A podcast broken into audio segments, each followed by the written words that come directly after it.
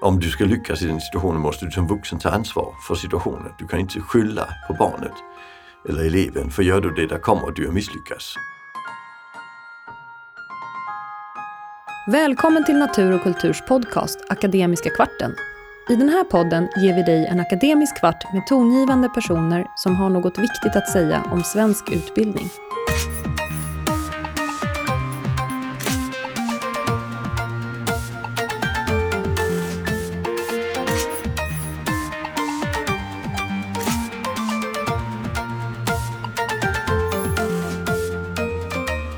Jag heter Niklas Gårdfeldt Livi och är utgivningschef för pedagogisk litteratur på Natur och kultur.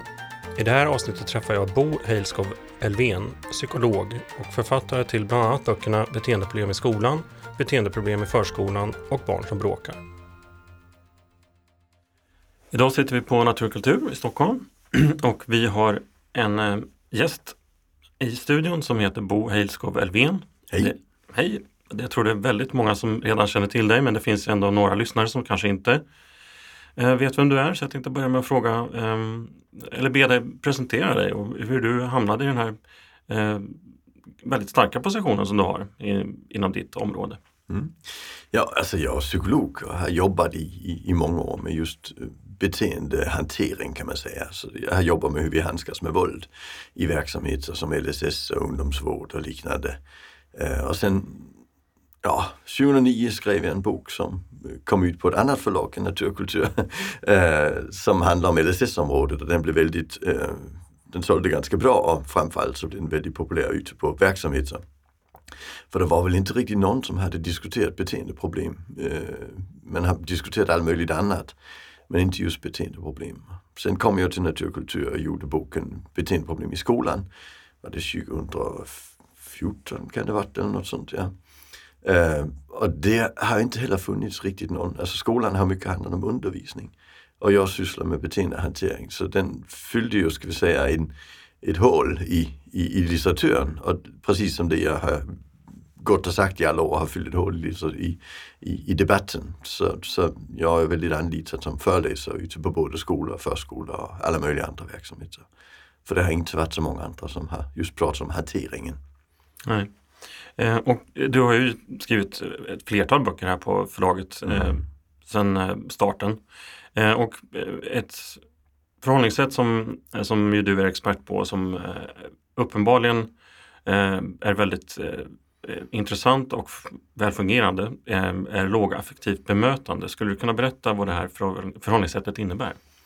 Ja, alltså det, det utgår just från hanterandet. Eh, väldigt ofta när vi har pratat beteendeproblem, där har vi pratat om hur vi ska behandla så att beteendeproblemet upp, upphör. Och jag har alltid varit intresserad istället i att säga hur kan vi hantera det i situationen? Och då började vi för 15 år sedan att utveckla metod. Och det vi upptäckte det var framförallt att när personal är lugna, när personal backar lite, då blir det mycket, mycket bättre. Väldigt många situationer blir personal en väldigt stor del av konflikten. Uh, och, och egentligen handlar det om hur kan vi ta ner den konfliktnivån? Och det gör vi ju genom att vi inte kräver ögonkontakt, genom att vi backar och genom att vi, vi lugnar situationen med vår eget lugn i första hand. Mm. Sen har vi ju så småningom hittat väldigt mycket forskningsbakgrund till detta sätt att tänka som egentligen kom från en väldigt praktisk vinkel. Uh, så idag får vi väl ändå säga att det finns ganska bra vetenskaplig bakgrund till sättet att tänka och till metoden vi har. Men, men egentligen från början var det inte det vi var så intresserade av. Mm. Eh, du brukar säga att barn gör det mest begripliga i varje situation mm. och att den som kan uppföra sig gör det. det här kan ju vara svårt för oss vuxna att förstå ibland. Um, skulle du kunna utveckla dina tankar kring, kring det här? Ja, alltså vi börjar ju prata just med, med, kring, kring just konflikthantering och, och, liknande. Och där upptäckte vi ju ganska snabbt några, några människor som har forskat på detta. En av dem är Bernhard Weiner och han säger att om du ska lyckas i den situationen måste du som vuxen ta ansvar för situationen. Du kan inte skylla på barnet eller eleven, för gör du det, där kommer du att misslyckas. Så du måste ta reda på vad du kan göra. Och det bygger han delvis på några ledarskapsforskning som kom redan på 60-talet, Douglas McGregor som sa att välja chefen och tro att personalen är lata måste motiveras och övervakas. Då blir det inte jättebra produktivitet och kvalitet. Utan om du istället går in och säger att personalen gör nog sitt bästa, nu ska vi öka förutsättningarna, då blir vi väldigt duktiga. Och det är inte det vi säger när vi säger barn som kan uppföra sig. De gör det. Det är parafras på, på en psykolog som heter Ross Green. Men det han säger där det är ju att om vi utgår från det, där det vi som måste göra jobbet. Och det är det som är det viktiga. Så det handlar egentligen inte om om det är sant eller inte sant. Det handlar om hur vi blir effektiva och det blir vi när vi tänker så. Mm. I skolan pratar man ju ofta att man, man ha höga förväntningar men då måste man ju också då rimligtvis eh, göra någon slags självrannsakan kring vad man, vad, man, vad man själv har för förväntningar. Vad det är man vill se så att säga. Ja, alltså, det räcker inte att ha höga förväntningar om man inte ser till att personen har det stöd han behöver för att klara det, den förväntan. Alltså om vi bara säger att vi ska ha höga förväntningar, då dumpar vi ju allt ansvar för undervisning på eleverna. Så det, det, måste ju paras med metod och det gör ju de flesta som säger just det också såklart. Men, men, men vi måste ju stödja barnet så det är möjligt för barnet att uppnå de förväntningarna vi har. Mm. Eh, du pratar om att man ska vara medståndare och inte motståndare. Skulle du kunna utveckla det? Ja, men alltså det, vi brukar också använda begreppen medsatsförhållande och motsatsförhållande. Alltså det, det handlar om att vill du i konflikt med folk då, det är väldigt, väldigt lätt. Det är bara att, att hela tiden pressa på motstånd. Eh, øh, problemet är ju att in, i en ojämlik relation som vi har i skolan, där personalen har makt, eleven inte har så mycket makt, där, där finns det en risk att om man använder det, att man gör det för att eleven ska förlora. Och det stämmer inte riktigt med skollagen att eleven ska förlora. Alltså, så jag tänker att vi måste hitta ett sätt där eleven vinner utan att vi förlorar. Och därför använder vi just ordet medstånd eller, eh, istället för motstånd eller medarbetare istället för motarbetare och alla de här förhållandena. Eh, det det egentligen handlar om det är ju, det är ju diplomati. Mm. Alltså länder kan välja att gå i krig varenda gång de har en liten skärmytsel. Eller de kan välja att hitta sätt att samarbeta på. Och jag, I pedagogiskt arbete har vi pratat om alliansen i över hundra år. Och alliansen är beroende av att vi ser till att jobba tillsammans med eleven. Jobbar vi i motsatsförhållande till eleven, då blir det ingen allians. Då kommer eleven inte att lära sig. Så både för inlärningens del och för konflikthanteringens del är det viktigt att hitta de här sätten att, att samarbeta istället för motarbeta. Mm. En annan bild som är, är intressant som du använder, du, du säger att skolan och förskolan kan ses som en bilverkstad. Eh, ja. Hur menar du då? Ja, men det är egentligen en kvalitetssäkringsmodell. Eh, vi kan ta ett annat exempel som är lika bra. Eh, jag brukar berätta en historia, alltså om en läkare opererar en, en patient och sen upptäcker man att man har glömt en sax i magen på honom. Det man då gör det är ju inte att man börjar bara klanta ner på läkaren eller klanta ner på patienten. Utan först så hanterar man situationen, det gör man genom att operera ut den där saxen. Sen tar man reda på hur var det möjligt och troligen var det för att man inte visste hur många saxar man hade. Och sen gör man en rutin och den har man idag i, i operationssalen. Vi räknar alla saxar innan och vi räknar alla saxar efteråt innan vi syr ihop. Och det, det, det är så man ska jobba, det är kvalitetssäkring. Och det jag tänker kring bilverkstaden, det är samma sak. Har vi ett problem tar vi reda på vad vi ska göra. För skyller vi på eleven, ja då kommer vi att misslyckas. Det skulle vara lika illa som om bilverkstaden skyllde på bilen. Mm. Alltså, jag har aldrig hört en bilverkstad säga att bilen vill inte samarbeta så det blev inget. För bil, bilmekaniker får ju betalt för att lösa uppdraget och personal i skola och förskola får betalt för att lösa uppdraget. Det är inget konstigt. Och då måste vi ha metod och verktyg för att få det att lyckas, precis som i verkstaden. Och sen är det ju faktiskt så att verkstaden jobbar med service och reparationer precis som skolan och förskolan gör. Mm. Ehm, Eh, lågaffektivt bemötande, då pratar vi egentligen om när vi har hamnat i en situation som kanske är konfliktfylld. Men eh, hur kan man i, i förskolan och skolan tänka kring det förebyggande arbetet? Ja, den modell jag pratade om innan som läkarna använder, den heter ju hantera, utvärdera, förändra. Eh, väldigt ofta i pedagogiska arbete, där, där hamnar vi i förändringslådan direkt. Men vi funderar alltid på att förändra eleven.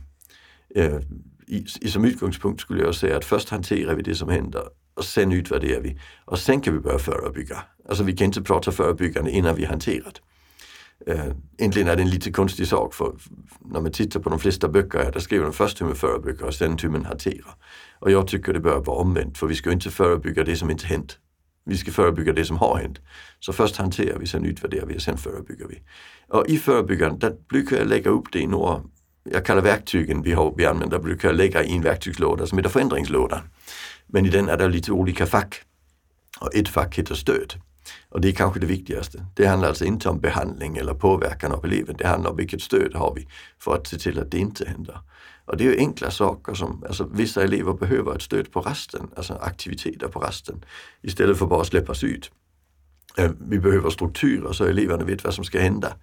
Eh, just förskolan är det en sån här klassisk situation. Eh, två femåringar bråkar om vem som kommer först till skylet med den bästa cykeln. Det händer i stort sett varenda förskola, i stort sett varenda dag.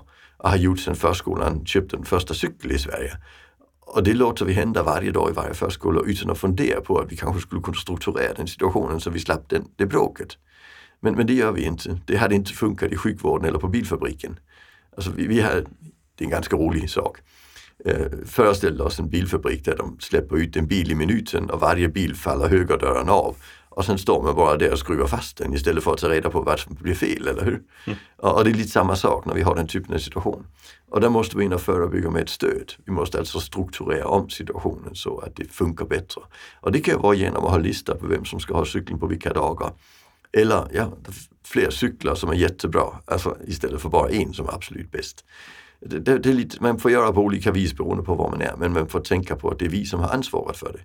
Det är inte Oskar som har ansvaret för, inte bråka när han är fem år gammal.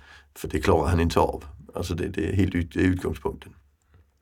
Och sen har vi förebyggande som handlar om att öka delaktigheten. Vi vet att när folk känner sig delaktiga då blir det färre konflikter. Och det är också jättebra, tänker jag. Och sen är det en del som heter träning såklart. Det kommer ju också, att vi tränar vissa situationer för då, blir det ju, då förebygger vi ju framtida situationer. Och de här metoderna ska läggas in i en, i en, i en mix där vi har mest stöd, tänker jag. För, för det är ändå vi som har ansvaret. Mm. Jag, tänkte, jag jobbade ju själv 15 år som lärare i skolan och øh, det hände ju såklart upprepade gånger att jag blev arg eller irriterad eller eh, hamnade i affekt på ett sätt som gjorde att, eh, att jag kanske på, med kroppsspråket eller kanske med någon slags ironisk kommentar gav uttryck för den här ilskan mot eleverna. Och det kände jag ju alltid var ett, ett nederlag såklart. Eh, för både mig och eleverna. Eh, så min fråga är väl egentligen den att när man som lärare eller personal i skolan ändå då själv blir arg eller eh, beter sig illa eller känner känslor som man inte är bekväm med. Vad har du för tips och råd där kring hur man ska tänka? Alltså, för det första är det viktigt att säga att när vi pratar ansvar så pratar vi inte skuld. Alltså det som händer, det händer. Och, och det viktiga är att vi inte börjar försvara det när vi inte riktigt tycker det är bra. Eh, tänker jag. Så, så, i den typen av situation där är det ju bäst att säga okej, okay, det var ett nederlag. Varje nederlag kräver att jag har en plan för hur jag ska undvika det. Men jag hanterade det, det blev inte så bra. Nu utvärderar vi och sen ser vi till om jag kan göra förändringar som hjälper mig. Och där har vi ju en, viss, en del forskning som är lite intressant. Eh, vi, jag jobbar med ett begrepp som heter affektsmitta och det betyder att vi blir smittade av andras känslor. Och som lärare i den situationen kan du bli smittad av en elev som har känslor. Det kan vara ilska eller liknande. Och där har forskning visat, øh, vi har en studie om några som heter Valerie Kinner och kollegor som kom ganska nyss, att eh, øh, när, när det är så att du är stressad, då blir du känsligare för affektsmitta. Så det är att själv stressa ner sig. Det, det, är en, en, väldigt viktig faktor. Det visar sig också att när vi är stressade, det är en annan studie av någon som heter Roloff och kollegor från 2007, att när vi blir stressade då ser vi de här arga ansiktsuttrycken istället för de andra ansiktsuttrycken. Så vi letar liksom upp i omgivningen om det finns hot. Och det innebär att stress dels får dig att inte att leta efter de här arga eleverna, sen får det dig att inte kunna skärma av dig från affektsmittan. Och sen är det faktiskt också så att stress gör att du har en tendens att lägga moraliska perspektiv på beteende istället för att försöka förstå vad som händer. Så, så det att själv ta, hitta sätt att stressa ner sig själv, det är kanske det viktigaste. Och där har vi lite roliga studier. För tio år sedan när mindfulness började bli berömt, där försökte man göra mindfulness på skolelever. Och det visade sig att när det var läraren som tränade eleverna var det jätteeffektivt på beteendeproblem. När det var andra som tränade eleverna, där gjorde det ingen större skillnad. Och då var det någon som kom på tanken, tänk om det är det att läraren tränar som är effekten. Och sen har man gjort studier där man bara tränar läraren. Och det har jättestor effekt på elevernas beteende när läraren tränar mindfulness. Det tycker jag är jätteroligt. Så det handlar ju om att vi blir bättre på att inte bli en del av konflikten. Mm. Och den, den, det tror jag kanske är det viktigaste. Att dels att, att, att såklart värdegrundsmässigt säga jag ska jobba lågeffektivt. Mina elever har jag hand om och jag har ansvar för dem. Jag ska inte fostra på dem. Och sen nästa, och, och jag ska se till att jag själv kan vara klar i huvudet och hantera detta och det gör jag genom att se till att jag inte blir uppstressad i alla fall. Och sen är det rent praktiskt, alltså man ska ju inte vända sig mot eleven när det är risk att man håller på att gå upp i varv. Man ska vända sidan till. Jag brukar jämföra med att alltså är man på krogen och det kommer någon och vill bråka, då är det jättedumt att konfrontera honom. Då är det bättre att vända sidan till. Alltså, och det gör de flesta på krogen, om de inte har druckit lite för mycket. Men konstigt nog är det folk som tror att i skolan måste man markera mot eleverna. Och det förstår inte jag. För det står inte i skollagen att vi ska markera mot eleverna och att vi ska vinna. Någonstans är det de som ska vinna och därför ska vi ju se till att de inte förlorar. Vi ska också se till att vi inte förlorar. Och det är egentligen det som är det viktiga. Mm. Sen, kan, du, eh, kan du studera dig själv när det gäller sådana här saker som affektsmitta till exempel? Då? Ja, det, det, det är ju alltid en del av det tycker jag, att, att, att det måste man förhålla sig till. Och nu har jag sysslat med detta i många år så jag alltså, in, in, introspektionen är en del av all psykologisk metod skulle jag vilja säga. Mm. Uh, och i mitt fall är det också så att jag har varit intresserad i vad händer med mig när jag är tillsammans med människor som har olika känslor. Hur reagerar jag och när blir jag fångad in i känslan och när kan jag skärma av mig? Uh, och det har dels något att göra med vem deras känslan kommer ifrån. För väldigt många av oss skärmar ju av andra från våra känslor. Det gör inte förskolebarn. Så där måste man vara ganska duktig. Eh, det gör inte barn med ADHD och autism i skolan. Det gör de flesta andra barn. Och där finns det då en risk att vi trillar dit på de barnen som har svårigheter.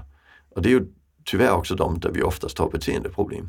Och tyvärr också de som tål ett dåligt bemötande sämst. Så det blir en ganska negativ eh, kombination kan man säga. Men, men det gäller att man verkligen själv liksom kan känna efter, nu blir jag fångad. Kom det från mig eller kom det från någon annan? Det, det är viktigt. Mm. Så jag tänkte avsluta med en, en, en eh, sista mer personlig fråga. Du bär ju eh, allt som oftast eh, hatt och du klär ju väldigt väl i hatt. Tack så mycket. Var kom det här hattintresset ifrån och hur många hattar har du? Uh, jag har många hattar. Jag vet, jag köpte en ny igår också. Det är illa. Eh, 60 tror jag. 60? Ja, något sånt. Men man ska ju ha pork pies på hösten och våren. Eh, uh, man ska ha eh, lite varma hattar på vintern och där har jag plommonstop ibland och jag har fedoras. Och sen ska man ju ha några sommarhattar också. Det här är många, främst pork pies i, i olika material, papper och sånt här. Liksom. Så, så sommarhattar har jag väl ett 20-tal och sen eh, sen hösthattar ett 20-tal och vinterhattar har jag väl 10-20-tal också. Så jag börjar faktiskt bära hatt, jag, har inte så mycket hår. Eh, så det är ganska kallt för det första, framförallt när det regnar. Eh, och sen hade jag keps när jag började tappa håret i, i 25-årsåldern. Och sen någonstans där vid, jag tror jag var 37, där kom jag på att, att baseballkeps på en person som nästan är 40, att det, det blir inte riktigt bra. Alltså det, det, man måste någonstans vara sin ålder. Och min gamla pappa, han är död nu, han, han eh, flyttade in på ett äldreboende då och då hade han en del hattar. Han, min pappa var född 21 så han gick ju med hatt till vardags. Så jag eh, fick en av hans hattar och började gå med det tyckte jag om. Sen hade jag ju liksom bara växt. så är det. Men man ska också ha både blåa, bruna och svarta. Det, man ska ha, så det passar med kläderna liksom. Du måste ha en, en eh, ovanligt stor garderob som, för att få plats med de här hattarna? Alltså vi har hattar lite varstans. Ja. Ja, så, att, så jag har en del i höger uppe där jag har kläder i huset och sen nere i hatthyllan har min fru skaffat en hatthylla med väldigt många sådana hattkrokar. Och sen klagar hon ju fortfarande på att det hänger två, tre på varje krok också. ja, så är det. För jag tycker så till vardags, där har jag nog 10, mellan 10 och 20 hattar framme som jag använder den säsongen. Mm. Eh, Bo Heidskov Elfven, tusen tack för att du kom hit. Tack.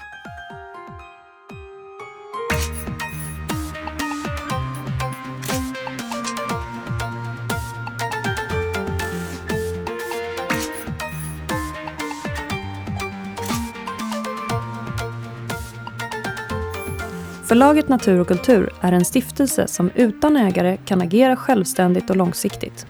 Vårt mål är att genom stöd, inspiration, utbildning och bildning verka för tolerans, humanism och demokrati.